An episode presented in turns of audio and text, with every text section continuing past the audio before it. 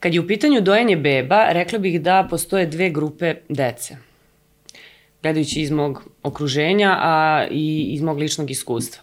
Jedna grupa su one bebe koje mnogo vole da sisaju i da jedu od prvog dana i jedva ih odvojite ovaj, od, od sise, od majčinog mleka, a druga grupa su one bebice koje se jako teško navikavaju na dojenje i uvijek je potrebna neka specijalna tehnika, metoda, uh, prosto učenje o tome kako sad moja beba da, da konačno počne da sisa i da uzima majčino mleko. A moje iskustvo uh, je bilo uh, jedno i drugo. Uh, raznoliko.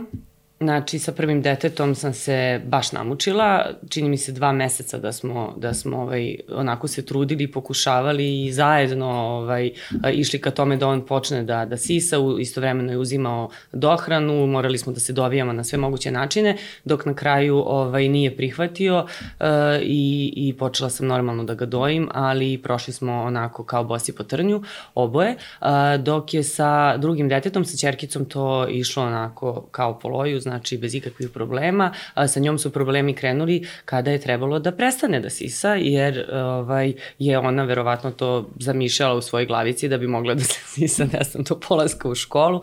Tako da ovaj, tu, smo, tu smo morali da naučimo kako da, da malo prekinemo, prekinemo sa tim. Um, ali da ja ne dužim o ovome, uh, tu su nam ljudi koji će nam ispričati ovaj, zašto i kako dolazi do ovih problema, a i koje su i lepote dojenja, ne samo problema problemi, jer to može da bude naravno i najlepši period za mamu i bebu. E, o tome nam priča Marko Obradović, pedijatrijski tehničar u porodilištu uh, kliničko-bolničkog centra uh, dr. Dragiša Mišović i savjetnik za dojenje i negu beba i Dušica Kovačević koja je već bila jednom kod nas u Mamazijaniji, viša medicinska sestra, babica i vlasnica bebi patrole.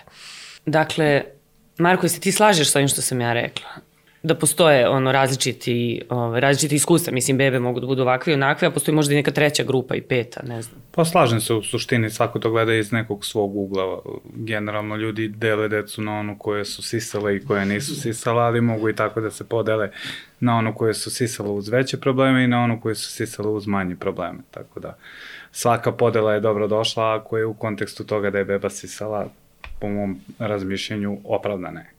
A zašto dolazi do toga? Kako, mislim, odakle te razlike?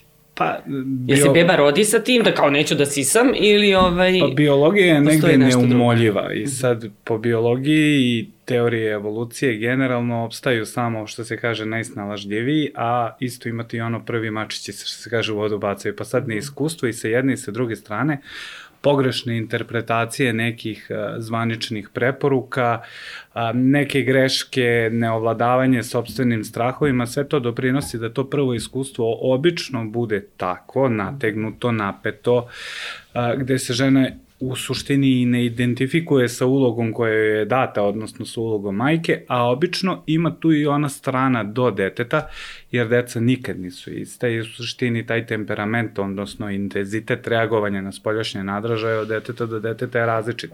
Tako da isto iskustvo majke sa dva različite deteta gotovo da ni ne postoji.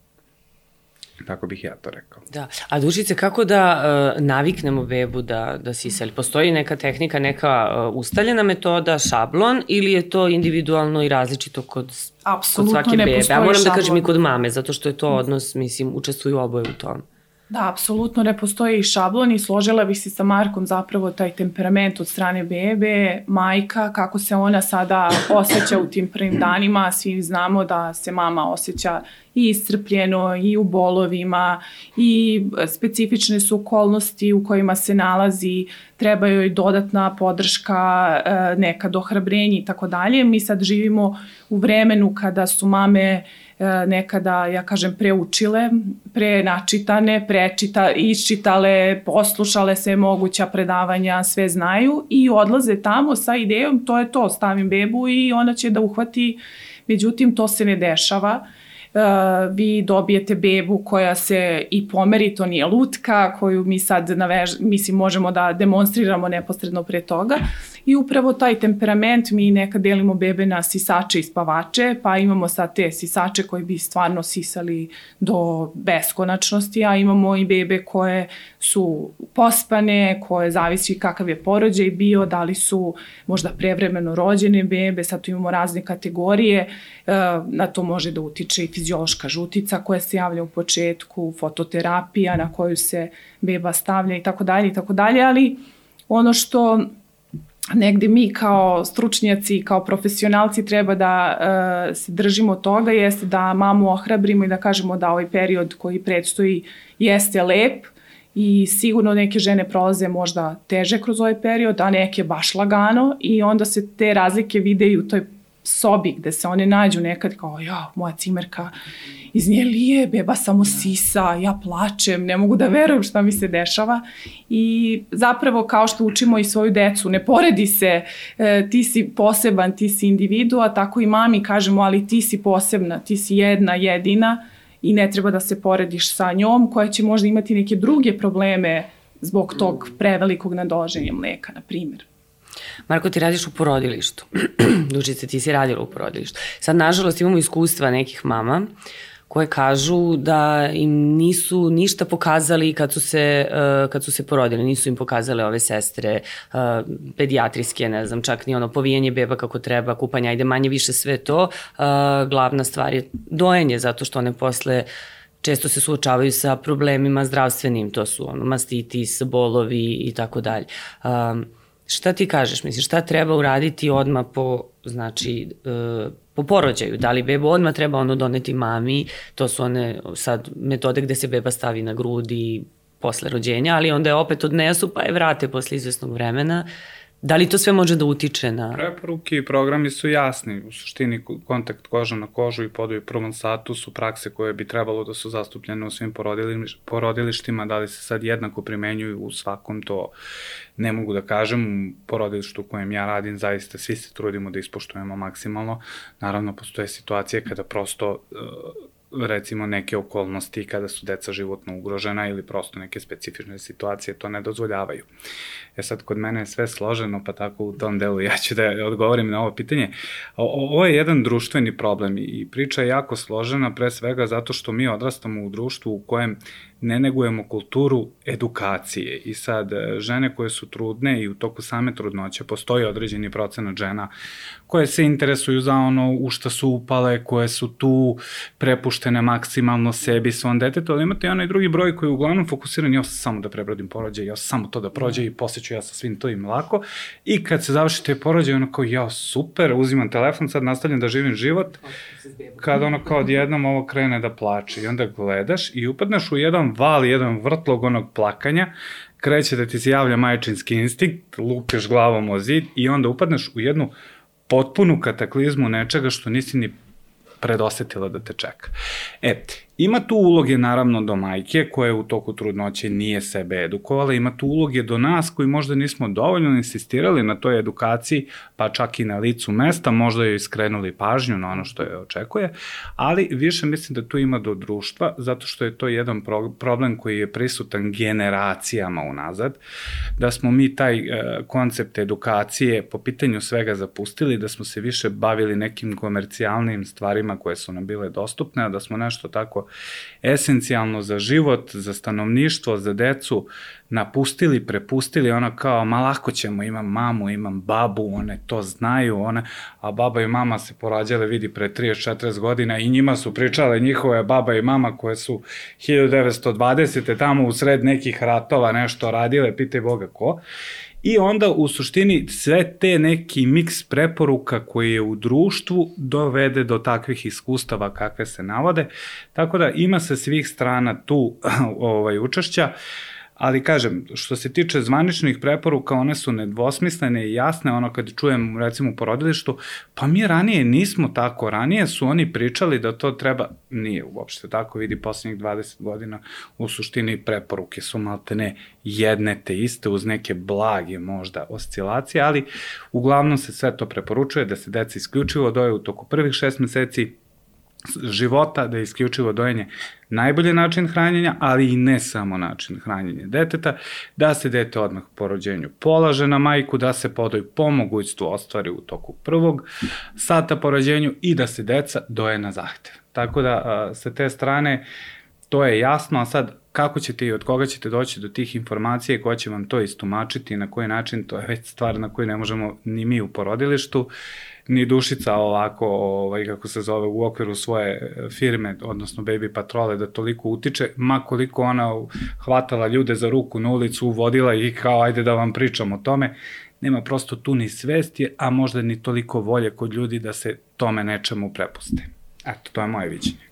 Ono što ja mogu da primetim jeste da u poslednjih, mislim ja se bavim edukacijom od 2011. To je sad dve, dugi niz godina.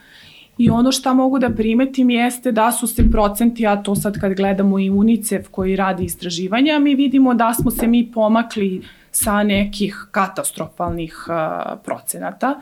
Tako da smo imali uh, do pre nekoliko godina da samo 15% žena u Srbiji doji nakon uh, trećeg meseca, isključivo doji. To vam samo govori da, to, ne pričamo to dojim pa kombinujem i tako dalje. Sada se taj procenat podigao na 30. Mislim da smo mi ovde, nas dvoje sada, a još dosta naših kolega koji su stvarno dobijaju zasluge, naše su te zasluge, upravo kroz edukaciju. Mogu da primetim na mojim predavanjima besplatnim koje organizujemo preko ovaj, online dođe po 250 e, trudnica, sluša to. To je ogroman broj. To je samo jedan pokazatelj da su one zainteresovane, da njih to privlači, da one hoće da se edukuju napred. Uh, isto tako vidimo veliki uspeh u samoj patronaži, jer samo, mislim da negde naš sistem uh, nije podržavajući, kao što nije podržavajući, mislim, ovo je porodilište, sad Marko u svom, uh, svoj kući, on samo kao pojedinac se bori kao individua, ali isto tako smo svesni da postoji niz kolega koji apsolutno ništa ne rade po ovom pitanju. I imamo jasna pravila koja su postavljena, ali se ne pridržavaju svi tih pravila. Ono što je naša uloga u edukaciji mene kao neko ko dođe u kontakt sa velikim brojem trudnica i kroz časove svoje i tako dalje, jeste da im ukažem na to da je njihovo pravo da beba bude, ostvari kontakt koža na kožu. Negde one nailaze, pazi, imate i, i privatno porodilište, pa imate veliko porodilište državno, gde se osoblje i dalje opire to stavio bebu bukvalno minut, dva. To su stvarno njihove ispovesti. Gde ona kaže, a zašto mi uzimate bebu, ali nešto nije u redu. Ali zato što je ona kroz edukaciju dobila samopoznanje, ona zna koja su njena prava. I, ja, I mislim da se mi tu negde borimo sa svim ovim, evo i ovo što sad gostujemo ovde, mislim da je jedan način da dopremo do sve više ljudi odnosno žena, ali i njihovih partnera. Mislim da su sada, uh, menja se i ta struktura porodice. Ranije su žene od, od, odgajale decu u velikim porodicama, okružene sa puno žena, pa se nađe neka koja tu sad zna.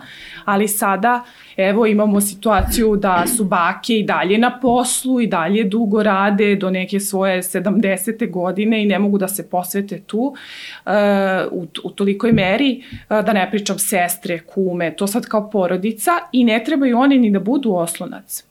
I ono či, či, šta ja čujem, e, nekada imamo i predrasud, dođemo u posetu, čim e, porodilja dođe kući sa problemom i nekada je sa tu njena mama, svekrva, pa onako kad nas vide, aha, one su mlade, oni su, da li ovi ljudi znaju šta rade i onda onako osetite da one, postoji neki pri, preispitivanje, uh mhm, -huh, od kad vi to radite, da znate, i krene. Mi smo ranije davali vodu, mi smo ranije, svašta nešto se tu kontradiktuje, tako je, ali kad mi njima obrazložimo da je majčino mleko skoro 90% voda i da odatle sada dolazi, ako dete sisa lepo, aktivno i tako dalje, da apsolutno nema potrebe terati dete da pije vodu. I ona ustukne i kaže, aha, da, da, u redu je, sad mi je jasno. Tako da vi ali zapravo... Ali situacija nastavite tako.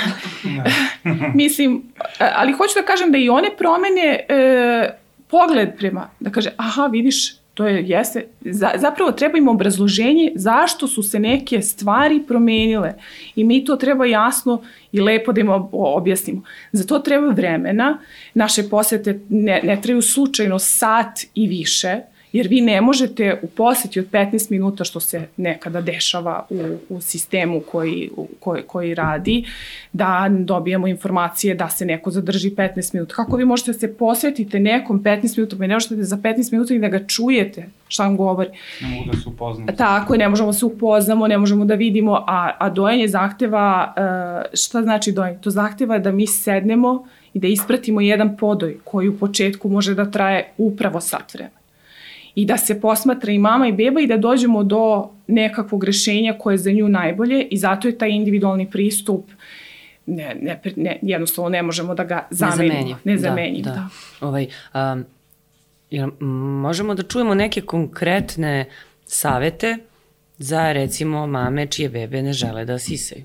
Da li ona ima, ajde reći ću pravo, da da daje detetu dohranu, da mora nekako da ga hrani, ako dete zaista ne želi, ako ono okreće da glavu, ako da. plače, da, da. plače. Da li je to da, da. problem, da li je to problem sad do, do mame u smislu da ono što neki kažu ako je sad nervozna, uznemirena, uplašena, pa onda dete to osjeća, pa možda zbog toga neće da priđe ili, da, ili, ili ono nešto je pojela. Nekako kažu, e, to je ono babsko, jao, šta si jela, verovatno si pojela nešto, pa sad nabrajaju šta sve ne sme da se jede, pa možda zato neće mleko osjeća nešto. Možda ti je kiselo mleko, kiselo, možda ti da. nije kvalitetno. To su sve Mislim, jedne zabude. To, to, to, to, možda, da, to znači da mama da. treba prva da proba mleko, pa da onda ne, da... ne, ovaj, nema, nema sad nekog generalizovanog saveta, osim samo upornost, upornost, upornost, organizacija, organizacija, organizacija, edukacija.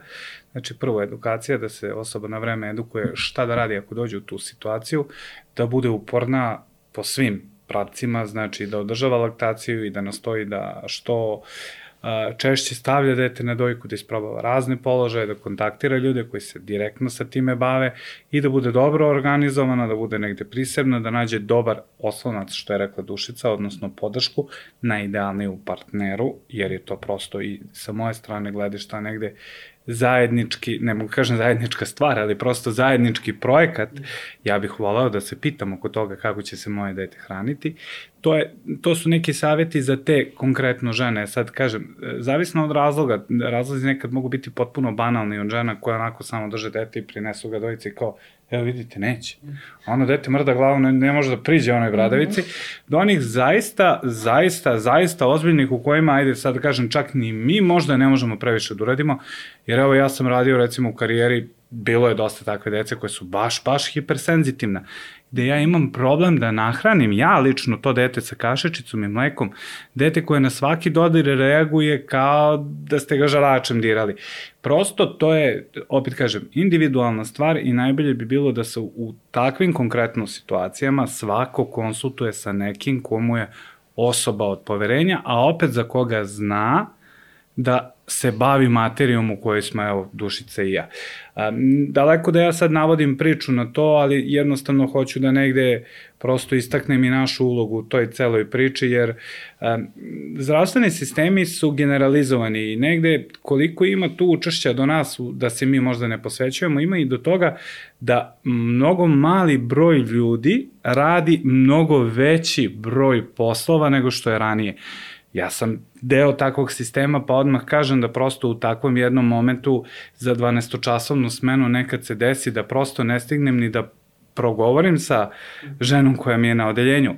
Tako je kako je, prosto pristali smo negde možda na taj ovaj, model transformacije i dešava se jednostavno da zaista vi nemate ni prostora da kontaktirate sa nekim. Ali opet kažem, ja, ja tu volim da isteknem tu edukaciju kao glavni, glavni moment gde svako od nas treba da prikupi informacije i da ima ono šta ako, šta ako, šta ako, da mu izrastu rogovi od one upornosti, da samo gura napred, gura napred, jer to je moje dete, moj život, hoću da to izguram i da bude dobro organizovan, sistematičan, to su glavni saveti da se prebrode ovi problemi.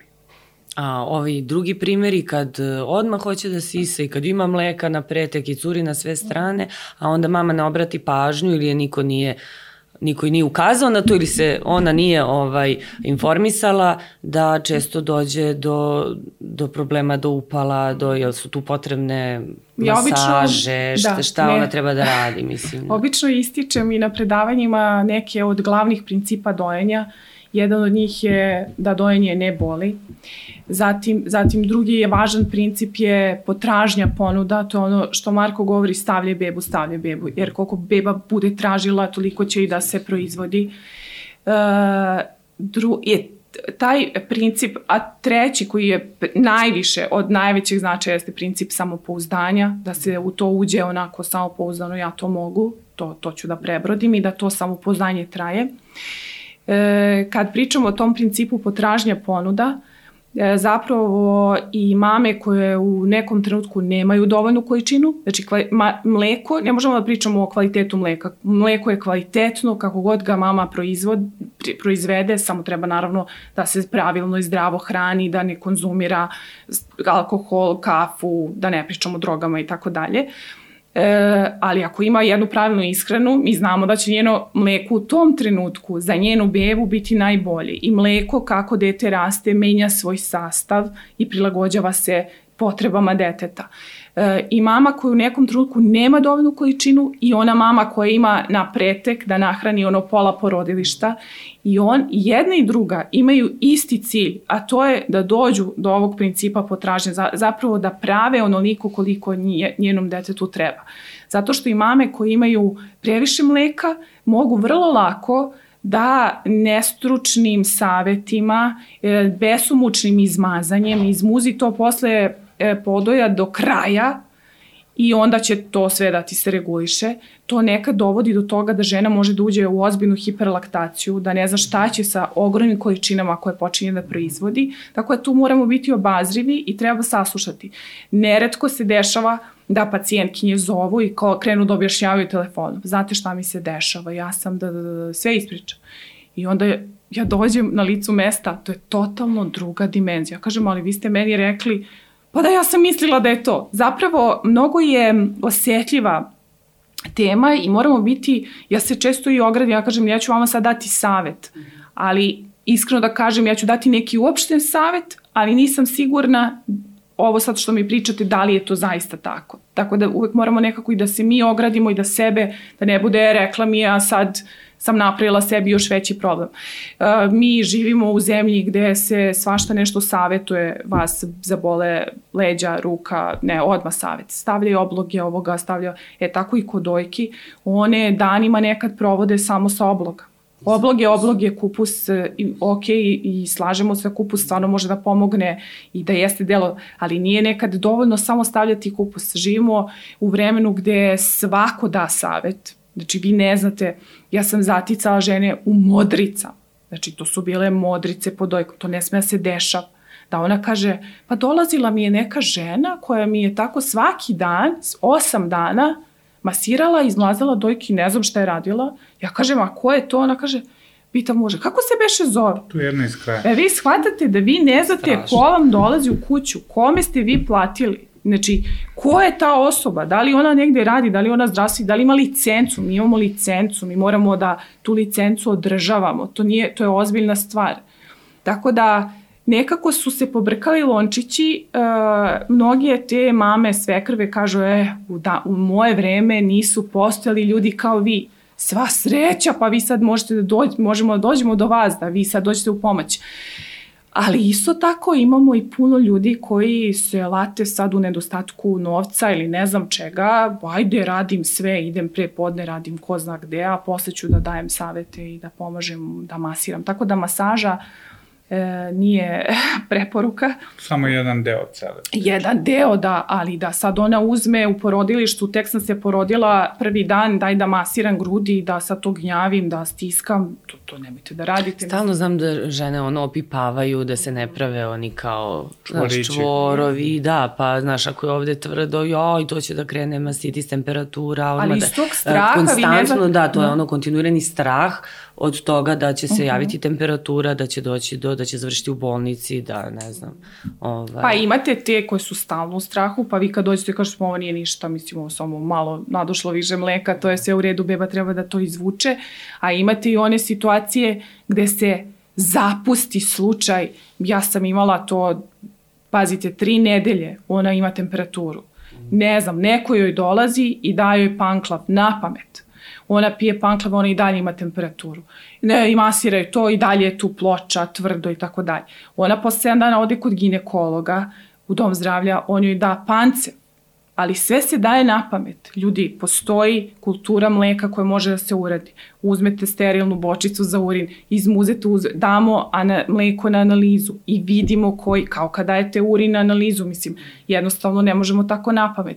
I onda žena upadne u problem da posle dve do tri nedelje ona i dalje ima proces ja dođem, ja kažem, ja ovde sad zaista mislim da ja ne, ja, moje, ja ovde sad ne mogu ništa da uradim. Šalje mi na ultrazvuk dojke gde se potvrdi ono što sam i postavila na licu mesta, a to je absces, i to dalje. To su redki slučajevi, ali mi treba da njih edukujemo da ona ne dođe u ovu situaciju. Zapravo, neadekvatno lečenje je dovelo do toga da je ona završila kod hirurga na kraju.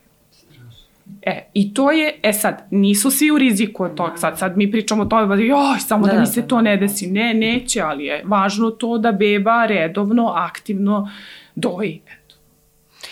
E, jednom si pomenuo, negde sam čitala, da ovaj kada a, ma, roditelji povedu bebu na onu prvu kontrolu, tu je najvaž, mislim jedna od najvažnijih stavki kilaža koliko je beba dobila. I sad dešava se da beba koja samo sisa E, nema baš, nema da neki napredak i onda možda tu ima i ovih pedijatara ili sestara koje prokomentarišu, ja pa slabo je nešto napred, onda se roditelji uplaše i krenu sa dohranama i šta ti je.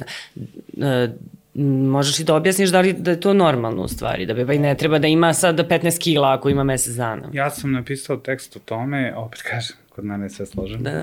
Tako da i ovo, a, koncept prve kontrole je kod nas postavljen kao a, neki checkpoint, checkpoint na kojem vi umesto da jednostavno dođete i potvrdite da je sa vašim detetom sve ok, uvek ste u nekom iščekivanju toga da li će vas uh, medicinski radnici koji su tada tu prisutni pohvaliti za vaš rad ili će vas osuditi. Znači, prvenstveni parametar koji se tu gleda, koji je ukazatelj i pokazatelj vašeg minulog rada u toku tih mesec dana je telesna težina deteta. I sad, postoje različiti standardni, standardi i protokoli i preporuke koji su opet, moram sa stručne strane da kažem, individualni. Vi ne možete od deteta koje je recimo provelo prvih nedelju dana života u inkubatoru na kiseoniku i otpušteno je kući u nekom, ajde da kažemo, uh, umereno dobrom stanju, da očekujete da će u toku prvog meseca napredovati kilogram i po. Niti možete da toj ženi čije dete napredovalo tad 500-600 grama da kažete je deti nije dobro napredovalo, uzmi smućka i adaptiranu formulu, kljukaj ga sa tim ili bilo šta. Prvo i osnovno ono moramo da raz, razlučimo neke tu termine kao što su dohrana. Ljudi, kada se pomene reč dohrana, odmah im je u glavi kutija adaptirane formule, praška koji se mućka i kojim se hrani deta. Koncept dohrane podrazumeva dodavanje hrane pored osnovnog načina hranjenja, odnosno dojenja. Za dohranu može da se koristi i majčino mleko, što je uvek najbolja solucija, alternativa, ali ono što će napraviti razliku da li će dohrana biti u korist dojenja ili ne, jeste način na koji ćete vi da dohranite dete. Dakle, flašica, bočica u suštini jeste nešto što će dete veoma lako odbiti od dojenja, kao i laža, odnosno varalica, i to su stvari koje definitivno mogu da poremete ovu celu priču. Opasnost prve kontrole leži u tome, u tim brojevima u koje će neko karakterisati kao nedovoljno. Evo, ja ću sad da napomenem slučaj žene koji sam imao u porodilištu koja je rodila treće dete i sad ja pošto obično pričam sa ženama, kažem, dobro, prvo dete, jel ste dojeli? Kaže ona, pa jesam, ali samo kao mesec dana. Ja kažem, što? Pa kaže, pa rekli su mi da nije dovoljno napredovao i ja sam uključila dohranu. Kažem, koliko je napredovao? Kaže ona, pa 700 grama. Idealno. Meni ona znaci pitanja ovako, ja kažem, pa š, ne razumem. Pa ajde, kažem, a drugo? Kaže ona, e pa drugo dete sam isključivo dojela i napredovalo je kilo i po. Kažem, dobro, i Kaže, pa rekli su mi da je to previše i da pređem na mhm. adaptiranu formulu. Neverovatno, Mislim, pa je šta, šta, šta sad ti tu da kaže ženi? Gledaš i ono kao, pa Mislim. Da. I ne znam, ja se stalno pitam ko su ti ljudi, da li smo mi... Ali da li postoje za... ti ljudi da, da. uopšte? E, to je sad pitanje. Da, da. Znači, da li ti ljudi uopšte postoje, da li je možda pogrešna uh mhm. -huh. praksa, možda želja da se to napusti doprinalo tome, ali opasnost prve kontrole zaista postoji. Postoji u tome kako se vi postavite i ako dozvolite da vas brojevi ograničavaju u razmišljenju, iako, ja ne kažem, stvarno, prosto morate da nađete osobu od poverenja koja će vam voditi dete, lečiti dete, jednostavno, ako i njemu dopustite dopustite da vam nametne taj stil traženja brojeva, onda nećete daleko dogurati sa brojkama. Napredovanje u telesnoj težini je samo jedan aspekt fizičkog napredovanja deteta. Vi tu sad imate brojne e, druge parametre, motoriku kod deteta. Znači, bez obzira što je nabacio kilogram i po, vi morate da imate snagu da pokrenete tu masu, a kasnije, kada je steknete snagu, vi morate da razvijete preciznost, u pokretima koje imate. Tako da sama težina je samo jedan aspekt fizičkog napredovanja deteta.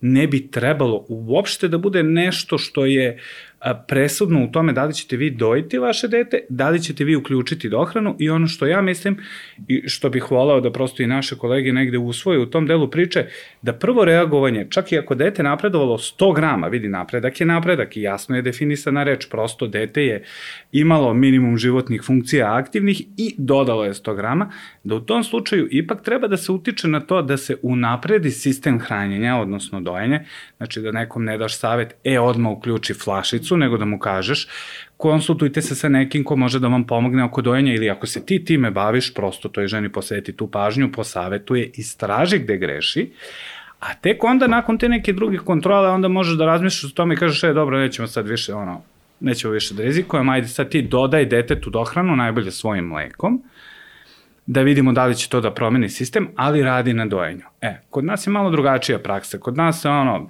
što se kaže, premeri dete, pa sad ono vidiš, aha, dete vam nije dobro napredovalo, njoj klapna ovako padne, kaže, jao, i porastu oči, odma trči u apoteku, Mile kupi adaptiranu formulu, odma klju, klju, klju, klju, klo, klo, klo, dođe za sedam dana na kontrolu, dete napredovalo 500 grama, svi srećni, a ono, dete, riga, riga, curi samo iz ušiju što mu ne izlazi ono mleko. Mislim, to su sad stvarno prakse... Mene to, koje, mene što... to podsjeća na one, izvini, babske priče, mislim, kad vide, recimo, mršavo dete, ali normalno dete samo je mršavo, pa onda ono, jao, jadno, žgoljavo, pa da nije bolesno. A pa, znate šta, mislim, samo da je gojazno, da, da, da ga ima da, da. i onda i zdravo. A znate šta, kod nas je uvraženo ono, samo da ti dete nije gladno samo i da, da mu gladno. nije hladno. Yes. Znate, vi imamo i dalje to, prenosi se generacija obuj čarape, nemoj sediš na betonu, e, tako i ovo samo jedi, jedi, jedi. Ali, ali ovde, ovde govorimo da, o bebama koji imaju mesec da. dana. ali ovde ja imam jednu, imam zanimljivost jednu iz prakse, koliko već sad radim. Imali smo tri bebe koje su dobile na prvoj kontroli 2 kg i 600 i svi sastavni te mame su mene zvale, naravno odmah posle toga i imale su mogućnost da se konsultuju kao dušice šta sad da radim. Rekla mi je doktor kao više puta su merili, prosto misli da vaga ne valja, pa ne znam da nešto nije u redu. A onda su savetovali uh, da dete treba da uh, pije vodu. Zato što mora malo na dijetu. I onda ona meni režim, kaže, slušaj, ja sam probala vodu, neće. Obično deca koje mnogo vole da sisaju, neće da liznu vodu. Uh, Ja kažem, opusti se, mislim, dete će to kasnije, u drugom, trećem, četvrtom mesecu, sigurno manje neće dobijati svaki mesec 2600, tako se i desilo, ta deca su sada vitka, zdrava, prava, porasli, nisu gojazni. Dohrana, ako se ovako neumereno daje, ovo sad Marko što priča, ajde, daj, krkaj samo, onda povećavaju na svoju e, odgovor, znači nikog ne savetuju, nego kreću i daj, vidi, plače još, daj još, daj još. To kasnije, ako imamo dete koje je gojazno, a da od adaptirane formule, to kasnije može da vodi u ozbiljnu gojaznost i to su istraživanja pokazala, to je nešto što isto tako da se vratimo na ovo, mi u patronaži, u baby patroli, e, sve moje sestre nose vagu sa sobom i mislim da je važno da izmerimo. Desilo se, evo imali smo slučaj gde je uh, mama pozvala, beba već ima tri nedelje i ona kaže, ja, može neko da dođe, nešto nisam sigurna, sad se već pitam. I njoj u patronažu dolazi patronažna sestra iz doma zdravlja koja ju odmah u startu, sad ona meni to pripriča, kaže ja, ja se baš i ne bavim nešto puno dojenjem, kaže otvoreno, što ne možemo da razumemo, ako radiš taj posao, ne možeš da kažeš kao od kod stomatologa, e sad kečeve ne radim, ali radim... Samo osmice. E, tako mm. je. Tako da kao, ovo je nekako, to je tvoj posao, moraš ako ne voliš, mislim, moraš i da se potrudiš ako želiš to. U svakom slučaju, to dete je rođeno sa a, sad ću da vam kažem, sa 2900, izašlo je sa 2800, posle tri nedelje, ja prvo na oko, da, mama me dočekuje sa tim, on stalno plače i mislim da ima strašne grčeve, ja nemam pojma šta mu je, on stalno plače. Ja uzimam dete, ja pod rukom, sad ne treba mi vaga, vidim da je on deluje da nije napredovo, da je prežut, žut je kao ova sveska. E, stavljam ga na povijelicu, vidim, vide mu se rebarca, stomačiću, znači vidite na oko, ne treba vam vaga sad. Ja kažem, aj sad da premerimo i izmerimo bebu 2600. Znači, posle tri nedelje, to dete nije u napretku, to dete i dalje kalira, ekstremno je žut. Ja kažem, da li ste vi razgovarali sa tom ženom mislim, o svemu ovome. Da, ja sam pitala, je li normalno? Kao, a, žutica je normalno do mesec dana. Nije normalno do mesec dana. Ako dete ne jede, taj, taj bilirubin će zapravo da raste. Beba stolicom, urinom treba da izbaci i tako dalje i sad tu dolazimo do ovaj, toga da dete nije napredo. Prvo stolica, šta je bilo sa stolicom? Mi sad znamo da beba koja sisa i treba da ima mokre pelene, treba da ima stolicu i tako dalje. Ova beba ima mokre pelene, ali jako malo tog urina bude koji dalje koncentrovan, vuče na crvenkasto, to vam govori da dete, da je to prosto nedovoljno. Druga stvar, stolica nije formirana, ona je, bra, evo sad kogod sluša, slušajte, beba treba posle vremena, kao što mi pričamo da to prelazi u neku zlatkastu boju sa onim semenkicama i tako dalje, to se pratimo. Ovde je stolica i dalje sluzava, brown boje, tamno brown, znači apsolutno neformirana, on ima stolicu, ali to nije dobra stolica.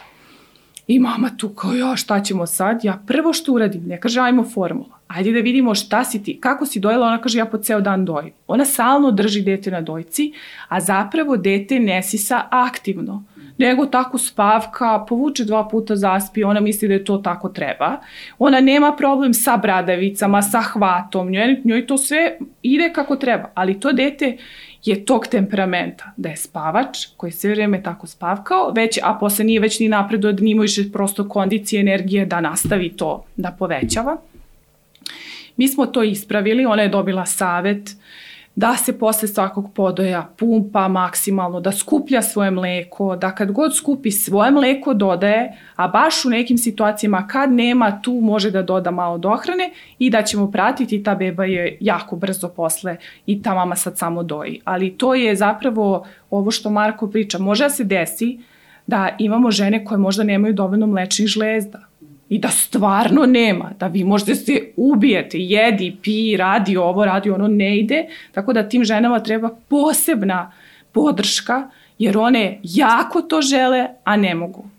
Mislim, to je, ali to je jako mali, to je 1%, na primjer, to stvarno redko se dešava. Mislim da većina njih, ovaj, neke to žene za koje sam ja čula ili znam, prosto čini mi se da kao da si psihički istroše, ne samo fizički, nego one se stvarno trude, trude, to mleko slabo ide, beba plače, više plače nego što jede i tako više spava nego što vuče kad je ili ih boli, ono, znaš, kad zgrabi onako vilicom ovaj bradavicu i onda to je za njih svak, svaki susret sa bebom, svaki kontakt u stvari taj bliži je panika, to je trauma ono od, od tog zahvata koji opet ne, do, ne donese ništa specijalno jer beba i dalje nervozna i onda posle recimo mesec, dva, maksimum tri, one su u fazonu, ajde sad još malo će pa one kašice voćne, pa ne znam ovo, pa može malo dohrana i kao nije Ali vi ovde morate da imate puno prioritet. znanja, da vam kažem. Vi morate ovde da znate medicinu dobro, a opet da imate izraženu kod sebe empatiju i da prepoznete i da, da, pre, da nekako prepoznajete određene situacije da reagujete, zato što mi ne posmatramo samo to dojenje, samo dojku i bebina, usta, hvat, vilicu i tako dalje. To je jedan splet.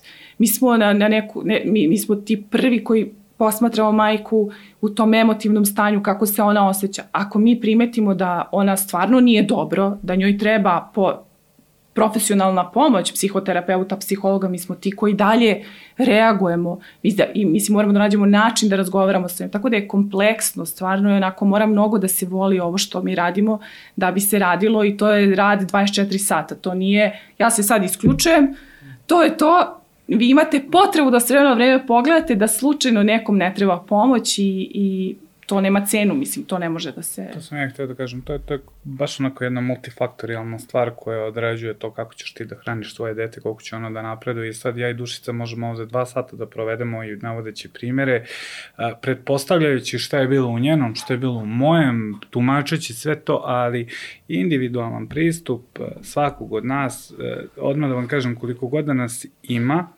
Nema nas dovoljno, to je činjenično stanje, nema nas dovoljno za teritoriju Beograda, a kamo li da nas ima dovoljno za celu Srbiju. Kad kažem nas, ne mislim konkretno uopšteno na medicinske radnike koji rade na određenim pozicijama, jer u suštini mi smo završili istu školu, e sad, e, mana našeg možda i zdravstvenog, a i prosvetnog sistema jeste što ne postoje te neke zvanične edukacije i usmeravanja u tom kontekstu, nego ti sad moraš da ideš na višu školu da bi završio za babicu, pa opet i kad završiš za babicu, pitanje je da li ćeš ti raditi taj posao koji želiš. Ja duboko podržavam ovo što se Dušica moram da kažem, ne shvati mhm. pogrešno, odmetnula što je otišla, što je prosto definisala, e, ja ću da radim, bre, to, to je moje, i prosto žena je stavila svima do znanja čime se ona bavi jednostavno, iako možda naš zdravstveni sistem ne prepoznaje to čime se ona bavi, kao ni ono čime se ja bavim, prosto to iskustvo koje smo stekli u radu, u toj praksi i edukacije koje možda nisu zvanične, nismo dobili uvek papir za ono što smo naučili, time što smo videli, pitali ovog lekara, onog lekara, tamo trećeg lekara, čitali na internetu ili nešto, jednostavno e, takav vid edukacije ličnosti kod nas ne postoji. Jednostavno ne, ne, ne može da se završi škola za ovo što ona i ja završavamo i kao takvih ljudi stvarno nema nas previše. Kažem, ne, nema nas za teritoriju Beograda, a kamo li da nas ima... Pa za... evo, ja to znam, zato što evo ja napravim konkurs, treba mi sad, ja imam tri zaposlene sestre, babice, više sestre, tako da. I one sada, evo, hoću da vam kažem da one, na primer, pre toga nisu imale dana prakse u patronaži. Niti sam imala nameru sad to da tako bude ali su imale praksu iz Tiršove, iz, ne znam, neko odavde iz raznih sad medicinskih grana, e, ono što ona mora da prođe sa mnom je edukacija. Ona može da počne da radi tek posle dva meseca. I to sad nekom deluje kod dva meseca, sad ja moram da idem sa tobom, svaka patronaža, sa mnom ili sa već koleginicom koja je uspostavile i to je jedini način. Vi ne, ja ne mogu nju da zaposlim i pošaljem sad ona radi po svom nekom modelu, ima svoje neke stavove, to ne može. Mi moramo da se usaglasimo i ne sme da dolazi, ja sam imala pacijentkinje koje mi kažu, e, Marko je bio, Marko je pričao isto ono sve što si nam ti priča.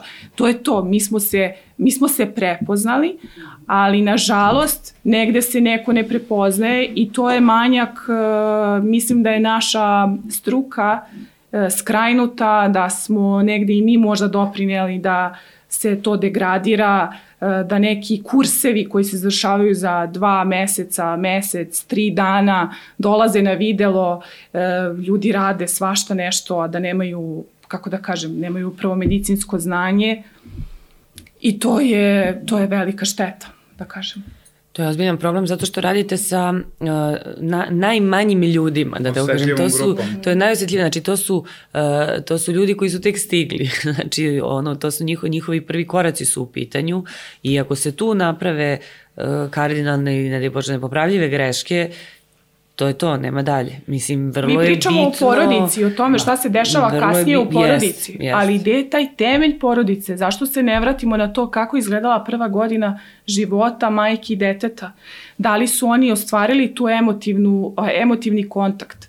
I znate šta, žene nekada neće da doje zato što misle da je to jedna robija vi sad ste kući zarobljeni na 2-3 sata, dete sisa, ne možete da odete nigde i neko vidi to kao sebi kao prostor opstvo i mogućnost da bilo ko drugi nahrani dete. Žene koje ne mogu da hrane svoje dete dojenjem, a mali je broj, ili su tako odlučile, onda treba ih posavetovati da to dojenje, da, da hranjenje na flašicu treba da imitira dojenje da treba da bude prvenstveno majka ili otac i da se razgolite, da dete osjeća kontakt koža na kožu preko tog dojenja, da zapravo postoji način da se ta veza uspostavi i na ovaj način. Pričali smo mnogo o dojenju, ali eto recimo postoji te situacije što je navela Dušica. Ja sam eto u onom ofu kad smo pričali negde i rekao a, velika, ogromna većina žena može da doji, ali I ono što ja moram da potvrdim kao neko ko baš promoviše dojenje, nije uvek dojenje najbolji način hranjenja deteta, jer prosto faktori koji utiču na njega u sredini, u porodici, od strane deteta, od strane majke, jednostavno deluju nepovoljno da se tako nešto ovaj, realizuje kao najbolje solucije za majku i za dete. E sad, kod nas, nažalost, ne postoji, zaista imamo tu osuđivačku kulturu, ono kao, dojiš dete, ne dojiš, dobro, kao hrani ga, onda radimo šta hoćeš. I tako nešto. Nemamo ni tu možda stranu razvijenu. Evo, ja jesam determinista po tom pitanju i mene kad pitate ko je najbolji način, ja ću kažem dojenje i uvek ću vam ispričati benefiti, prednosti dojenja, mane dojenja, iskreno da vam kažem, sa moje tačke gledišta ne postoje, ne mogu da vam kažem koja je mana dojenja ako si svesno donela na svet dete, htela si da se ostvariš ulozi majke i jednostavno uloga majke nažalost vuče, možda ću sad zvučati kao šovinista, a nisam, odmah da kažem, ali uh, uloga majke nažalost vuče tu žrtvu. Prosto moraš jednostavno da ostvariš jednu posebnu vezu sa tim detetom, naravno sa te strane sad mogu i da kritikujem moj pol koji se nedovoljno uključuju u tu celu priču. E sad, ako se povrh svega toga što ti ja ispričam, pored svih tih benefiti, prednosti za svoje dete, pritom ne pričamo samo o načinu hranjenja, znači ti ćeš godinu dana nećeš da ustaješ, da se skidaš, da dojiš to dete, ali ćeš posle dve, tri godine jer dojenje, naravno, ishrana majčinim mlekom prosto deluje imunostimulativno, utiče na razvoj imunog sistema, morati da ustaješ noću da dete tu brišeš nos, da mu duvaš i ne da mu daješ antibiotik. Zašto? Zato što nisi gledao daleko nego si se fokusirao na možda jedan moment koji je tu bio ono kao ne mogu ja to da radim, ne mogu ja ovo. Dobro, okej, okay, mučkao si formulu, ništa strašno, tvoja svesna odluka, ali budi svestan da će to vrlo verovatno kod tvojeg deteta prokrenuti čitav niz nekih stvari koje mogu da mu kasnije otežaju život. Alergije, kcemi, Alergije, neurorazvoj, svašta nešto. To sam htjela kasnije da vas da, pitam da. da za te benefiti dojenja u smislu imunog sistema i uopšte koliko je značajno da. dojenje, odnosno majčino mleko za ne, ne, kada ne se da budemo konzumira u najranijem periodu. Da. Osuđivački postavljeni prema takvim Naravno, ženama. To je da. moja suština priče. Mislim, dojenje omogućava, dojenje bukvalno autoput ka integraciji majke i deteta, ka tom ponovnom spajanju. E, mnogi sad misle, sad dođeš na porođaj, porodiš se i sad, to je nekad, nažalost, i moje kolege rade kao, pa gospođo, vi ste se porodili, vi ste sad majka, vi to morate da znate.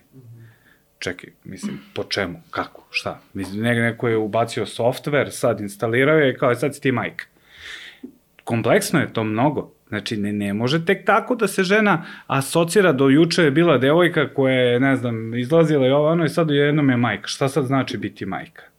Šta je majka?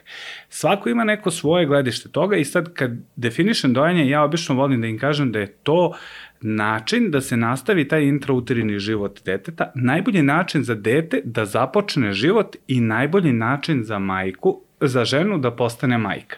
Čak i dojenje od mesec dana ima veliki značaj i za nju i za dete, iako naravno u velikom procentu žena ako neće da doji, prosto od samog starta se definiše da neće da doji, naš pristup to je Dušica na startu, u startu pomenula tu jednu reč koju ću ja sad ponovo da, da ponovim, mi moramo da budemo podrška. Znači, mi nismo međunarodni sud toga, pa da joj se sad izmrštimo kao nećeš ti da dojiš svoje dete, mi te hejtujemo ili to. Ne, mi smo podrška. Stručna podrška tebi i tvom detetu.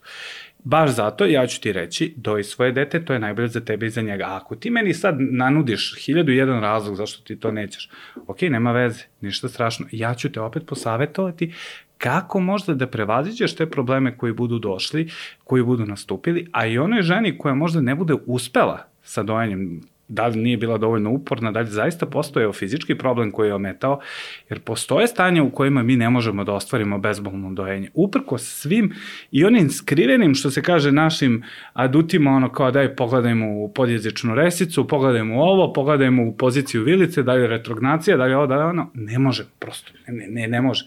U takvim situacijama empatija, podrška, to je ono što mi moramo da naučimo da radimo među sobom i to je najbitnija stvar u ovoj celoj priči. Mislim da je to temelj zdrave porodice i zdravog društva, da se prosto prepoznajemo po tome što ćemo svakome da pružimo ruku, kažemo bravo, uradio si sjajan posao, da te uputimo ono što te čeka i to je to. To sam te Ne, apsolutno.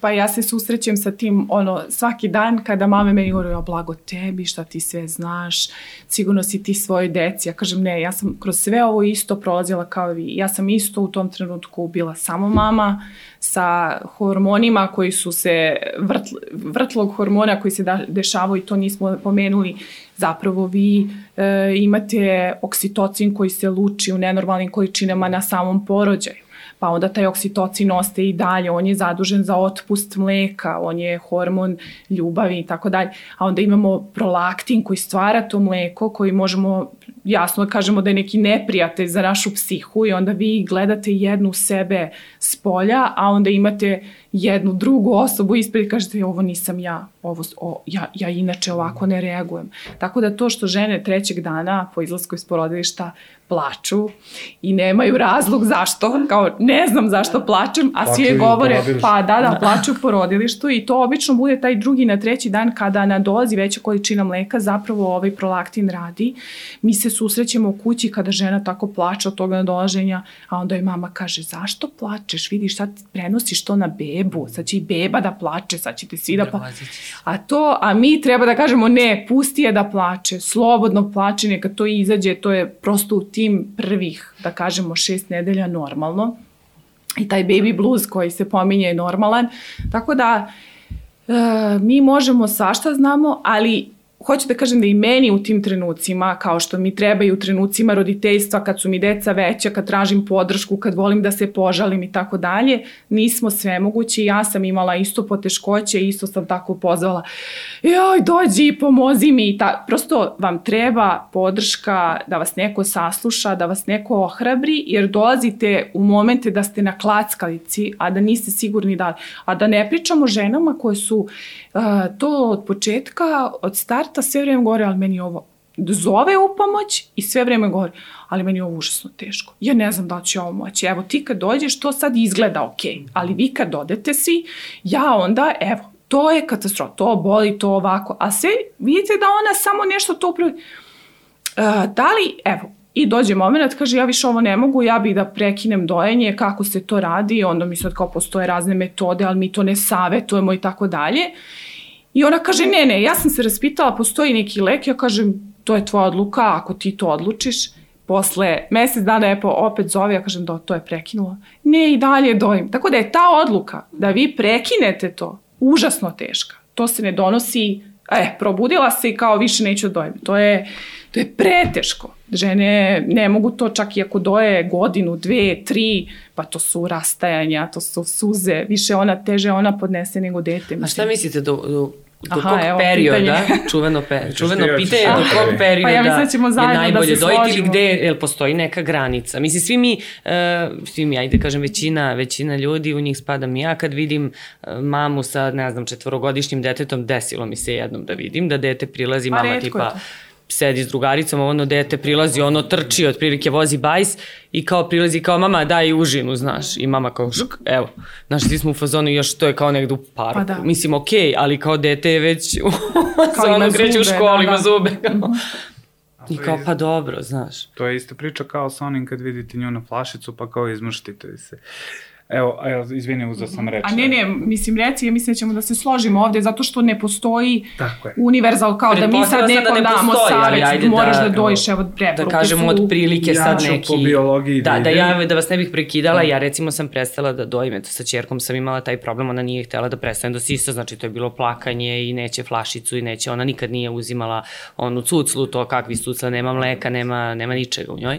Ovaj, ali recimo počela sam da radim, krenula u vrtić, mislim, onako, mislim, život je malo postao aktivniji u nekom trenutku, jednostavno nije više bilo mogućnosti za dojanje, osim ono pred spavanje, to večernje ostalo kao pa poslednja instanca. Pa dobro, ali neke instanca. žene to urade, da I nastave. I onda smo i to vremeno... Došao je moment. Ja. Jest, znači to je bilo ali recimo posle godinu dana. Ali neka neko nastavi i nastavi da radi, mm -hmm. a mhm. zadrži dojanje ujutru uveče. To večernje, I imaju da. tako i to dugo traje, ali to je više da, tu možemo da složimo, to je više emotivna neka podrška i za majku i za dete i tu ne treba da se mešamo puno. Dobro, da li da vi onda mislite da ne postoji granica, da kao to traje dok traje ili da... Evo, evo ovako sad, opet ja volim da se vratim na biologiju. Slobodno, da.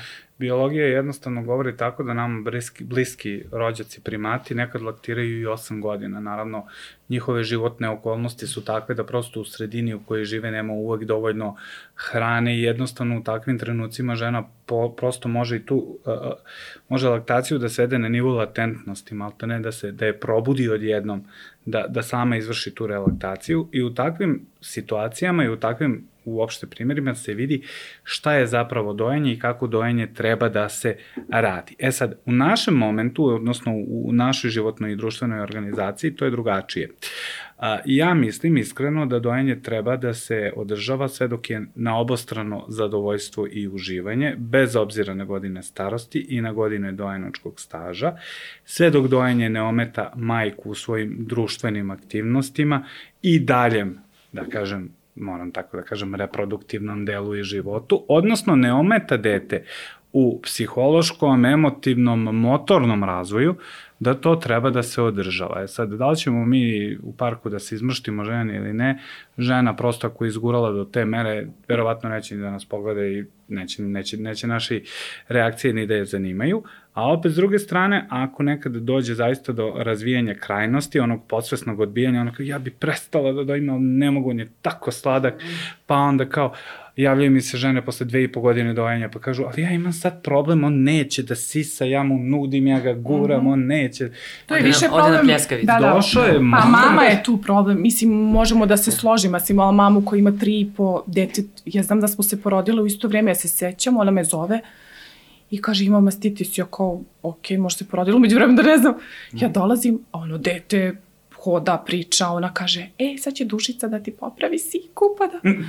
Njen muž u tom trenutku... Dušica vadiš da, da, da, a ovaj, njen muž iz kuhinje šalje mi dimne signale, bukvalno čovjek, molim te, molim te, učini nešto.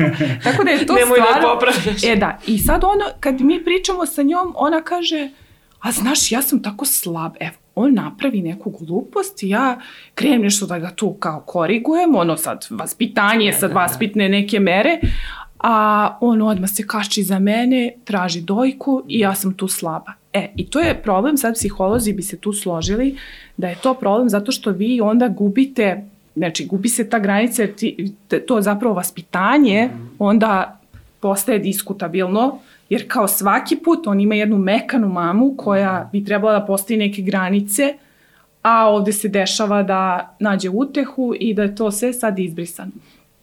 Ne možemo, mislim, to su sad priče, kroz šalu se mi sad no, zezamo ne. i tako dalje, ne bi je sigurno osudila kao ajde prekidaj, vidiš, donese ona sama, dođe do toga da kao ok, ovo definitivno. Preseče. To je tako, da, da. da. Mm.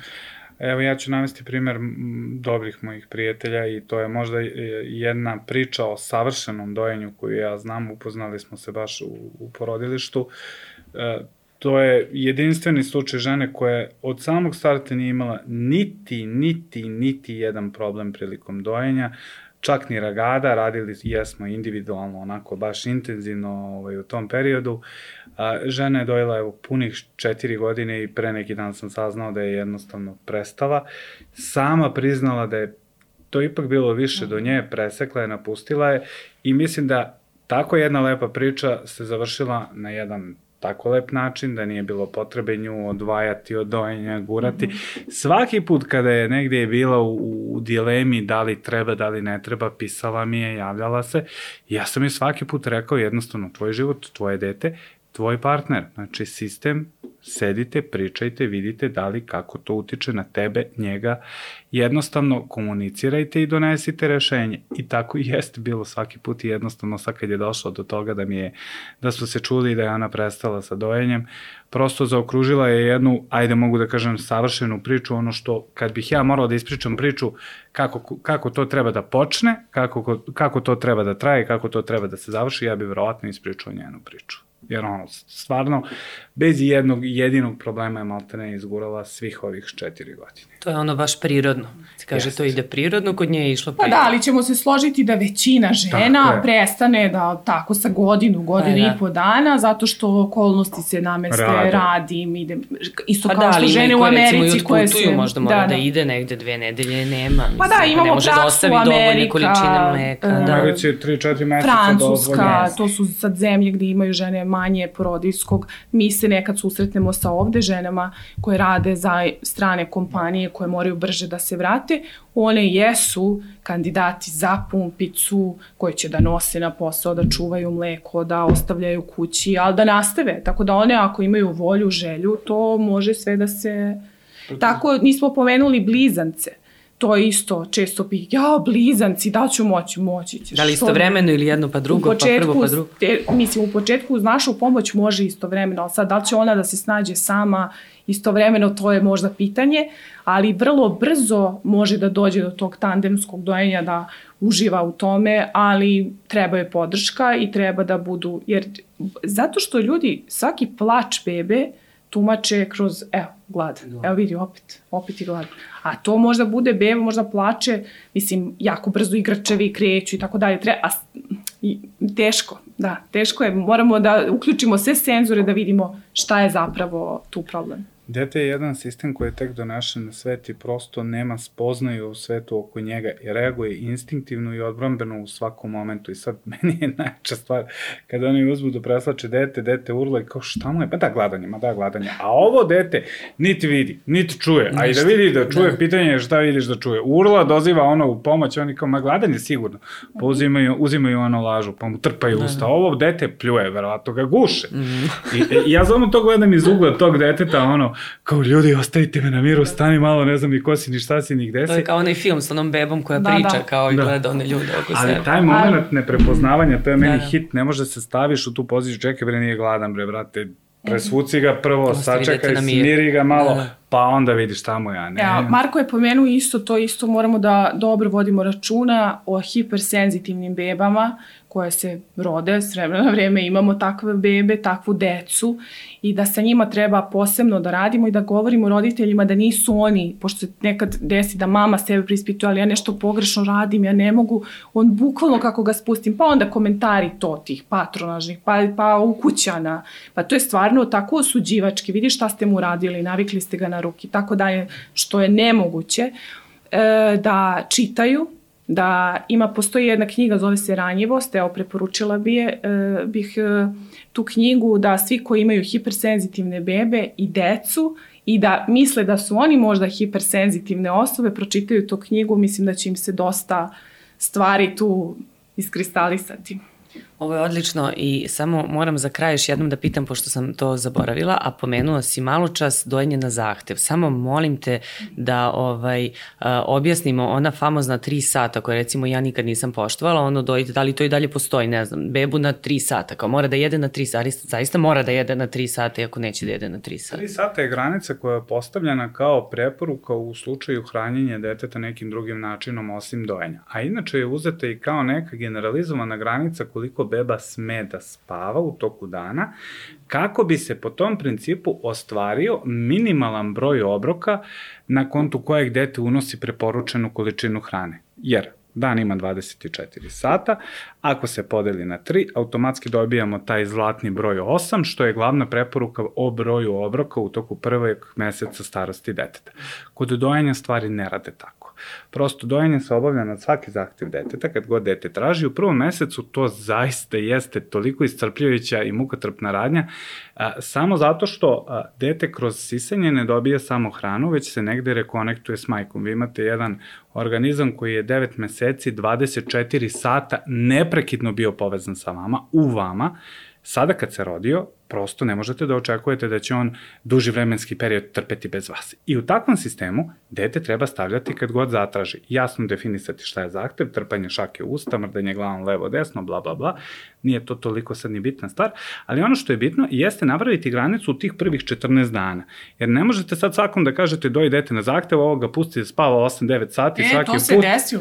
Da je ba baka jedna mene dočekuje. Jao, beba je preslatka, celu noć, 8 sati spavala, ne možemo da je probudimo zapravo tu treba da budemo obazrivi jer imamo Tako to, je. dete može lako da upadne u hipoglikemiju, da spava od gladi, a da deluje sve idealno i tako da ne, ne, nema... Da, to, to, to, da, e, da, to da. da kažem, znači opet je... Da se nađe granica. Najbolje mm -hmm. da mhm. ipak uzeti neku uopštenu granicu tih prvih 14 dana. 14 e, dana je neka granica koju ja recimo u priči postavljam, jer je e, preporuka da se nakon 14. dana telesna težina deteta da. premeri i trebalo bi da dete povrati porođajnu težinu. Takođe, ta fiziološka žutica, Fiziološka žutica je normalna žutica. Znači sve što ima prefiks fiziološka, poput pada u težini i žutice, to su normalne stvari. Ali tu sad negde prelazi jedna granica gde fiziološka žutica prestaje da bude fiziološka i može da se preusmeri u koncept laktacijske žutice. Laktacijska žutica, odnosno žutica na majčinom mleku, je jedna posebna vrsta žutice koja je ajde da kažemo malte ne potpuno benigna, jednostavno ne utiče nešto previše na dete, ali jednostavno možemo tad da istolerišemo da dete bude blago žuto. Ali ako mi imamo dete... Koji... Ali ako dete super napreduje, da, lepo da i žuto je, ne brine nas. Ali ako dete ne napreduje, da. kao u bebu koju sam ja pomenula, i ovako i žuta, je kao e, knjiga, e, je. e, tu već onda kažemo stani malo, opet moramo da razmislimo. Znači, ipak prve dve nedelje prosto, prosto poštujte da maksimalno vreme spavanja vašeg deteta bude 3 ajde pustite mu tih pola sata, tre i po četiri sata i nakon tog perioda probudite ga, ponudite ga dojkom i to je neko rešenje u celoj priči. I u većina situacija to tako zaista i bude. Ali sad knjiški se držati toga ono kao dete koje je sisalo pred, prethodnih 4-5 sati, a to se dešava, sisalo na sat vremena, na 45 minuta, sat i po i sad konačno se uspavalo, spavalo i sad vi kao posle dva sata daj da ga presvučem dva i po sata i da ga hranim posle tri sata dete koje naravno spava i vi odmah idete u prvo, ja ovo neće djede, ja pa šta ću sad da radim, ja pa ovo, Normalno. To toliko može da optereti. To merenje, satnice, da li je sad, da li si sa 10 minuta ili 15, pa to je stvarno optereti. Pa, pa za, ja, meni je, evo, pre neki dan stigla poruka od jednih roditelja, samo da ti se zahvalim i pošalju sliku bebe, sad ima 18 meseci, ne znam da li se sećaš, ali to je mama koja je brojala gutlje i ja se setim. Znači, 250 do 750, eto, ja sam dobio znači, taj broj. Ja da. kažem, ja sam došla, ja kažem, da. gde si ti ovo pročito? Ona kaže, nisam nigde, ja sam mislila da našla negde na internetu, pa sad broji, evo, da. jutro si gut, gutlja je bilo, ne znam, na ovoj dojci ovoliko. Yes broj? Pa ne znam broj. Ne znam. Ja kažem, čekaj, stani, ovo, ne, ovo nije dobro. Znači, ovo ništa ne radimo kako treba. Ali evo, treba ih da, da. razumeti. Da. Da. Ali njoj je sad da, smiješno, da, da, naravno, da, uspela pa da, je posle. ima svoje, ali to su stvarno paranoje, to su ozbiljni, u stvari to je to opterećenje. Katastrofa. Marko, Dušic, ja moram da vam se zahvalim Istekla Hvala, knjigu time ćemo sledeći put da, da napišemo da, ovim primjerima, ćemo da, da kraja. Samo da dodam jednu stvar. Mi se nismo tak, mi smo sad pričali konkretno i samo o dojenju. Nismo se takli nege, nismo se takli nismo, vežbice. Da, pa vidjet ćemo se, se još. Polako. Hoću da kažem, to je toliko jedno široko polje yes. za priču da evo, ne može ni u sat vremena da stane. Ne može, ali bit će još emisija, doći ćete vi opet u Mamazijaniju i hvala vam mnogo što ste bili sad i što ste nam ispričali sve ovo dojenju, mnogo bitnih stvari i korisnih, posebno za buduće mame koje se tek spremaju i hvala vama što ste bili sa nama. Ćao svima. Mama! Mama!